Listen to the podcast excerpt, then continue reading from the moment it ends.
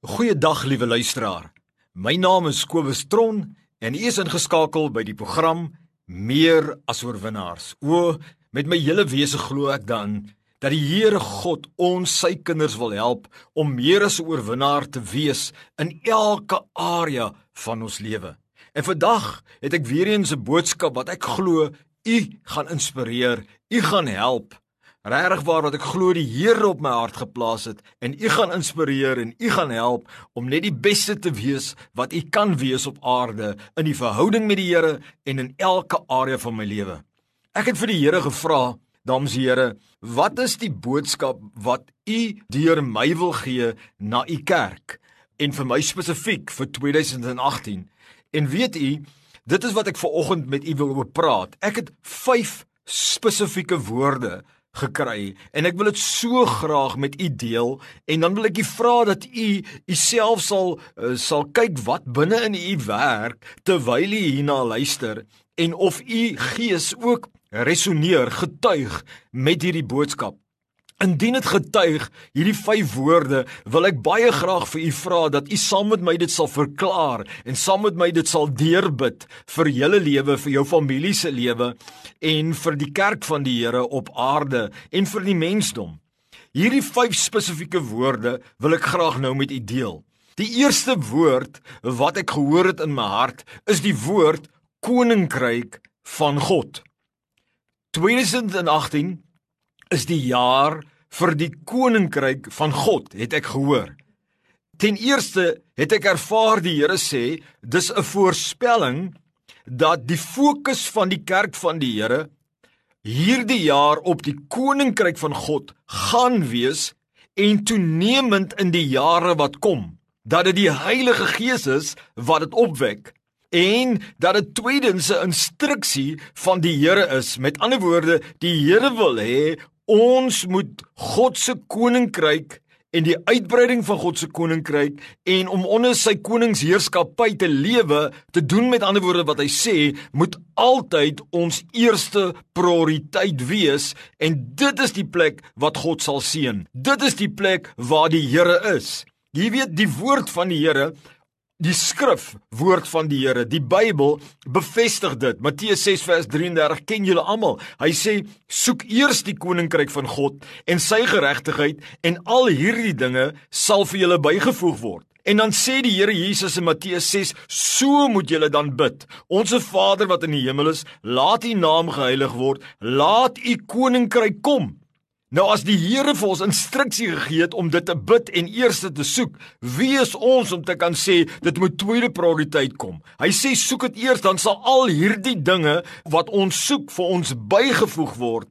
En dit is wat die Here op my hart lê. So u sal goed doen glo ek om seker te maak dat u die koninkryk van die Here eerste stel, dat u eerste sy wil doen, dat sy wil u prioriteit is en gemeenskap met hom u prioriteit is. Die tweede woord wat ek ontvang het van die Here in verband met 2018 is die woord spesialisasie. Ek het ervaar dat die Here vir my sê 2018 in sy kerk roep hy uit vir spesialisasie, 'n groter vorm van spesialisasie. Die Here wil hê in sy kerk eersins die bedieningsspanne van die Here moet spesialiseer.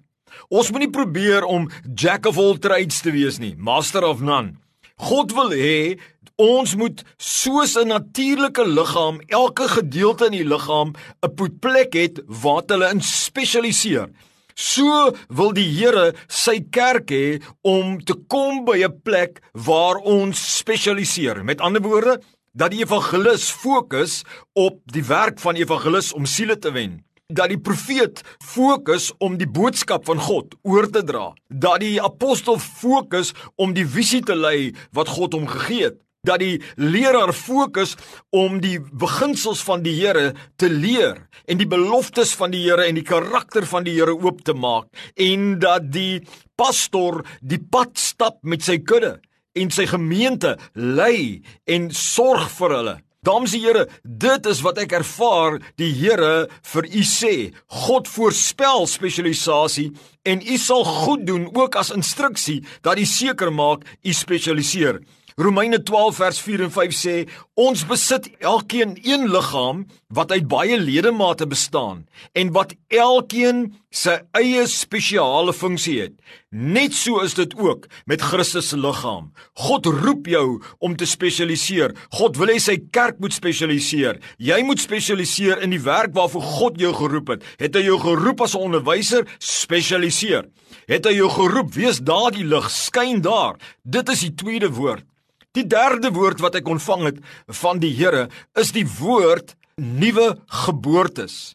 En wat ek daarmee bedoel is ek ervaar die Here sê vir my dat vir 'n groot gros van die kerk, van die mense, van die ware kinders van die Here, is daar nuwe geboortes wat kom. In die sin van dat die tyd het gekom dat baie kinders van die Here nuwe Godgegewe drome, take, ideale gaan manifesteer in hierdie jaar en dat ons onsself moet gereed maak om geboorte te skenk om te manifesteer dit wat God vir jare in ons harte gelê het wat ons altyd geweet het eendag gaan die tyd kom dat dit vir baie van ons so beteken in Jesaja 66 vers 7 sê die Bybel voordat sy geboortepyne gekry het Jerusalem al klaar seën in die wêreld gebring maar Jerusalem het skaars geboortepyne gekry of haar babas is reeds gebore.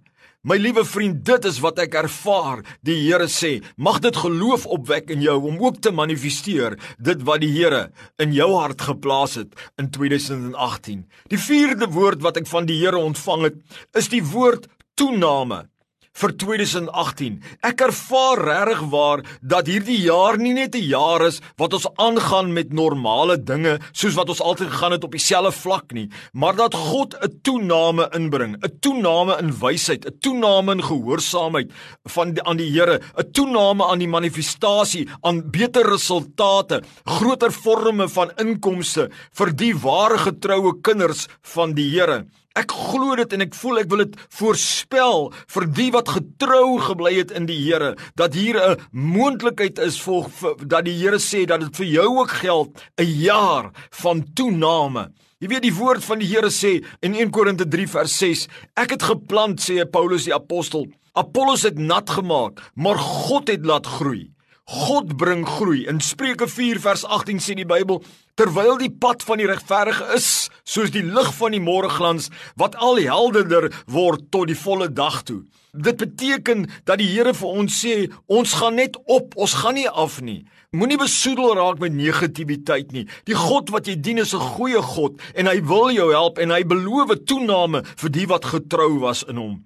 En dan in besonder dat ek nog 'n positiewe woord waarmee ek wil eindig en dit is die vyfde woordjie beloning.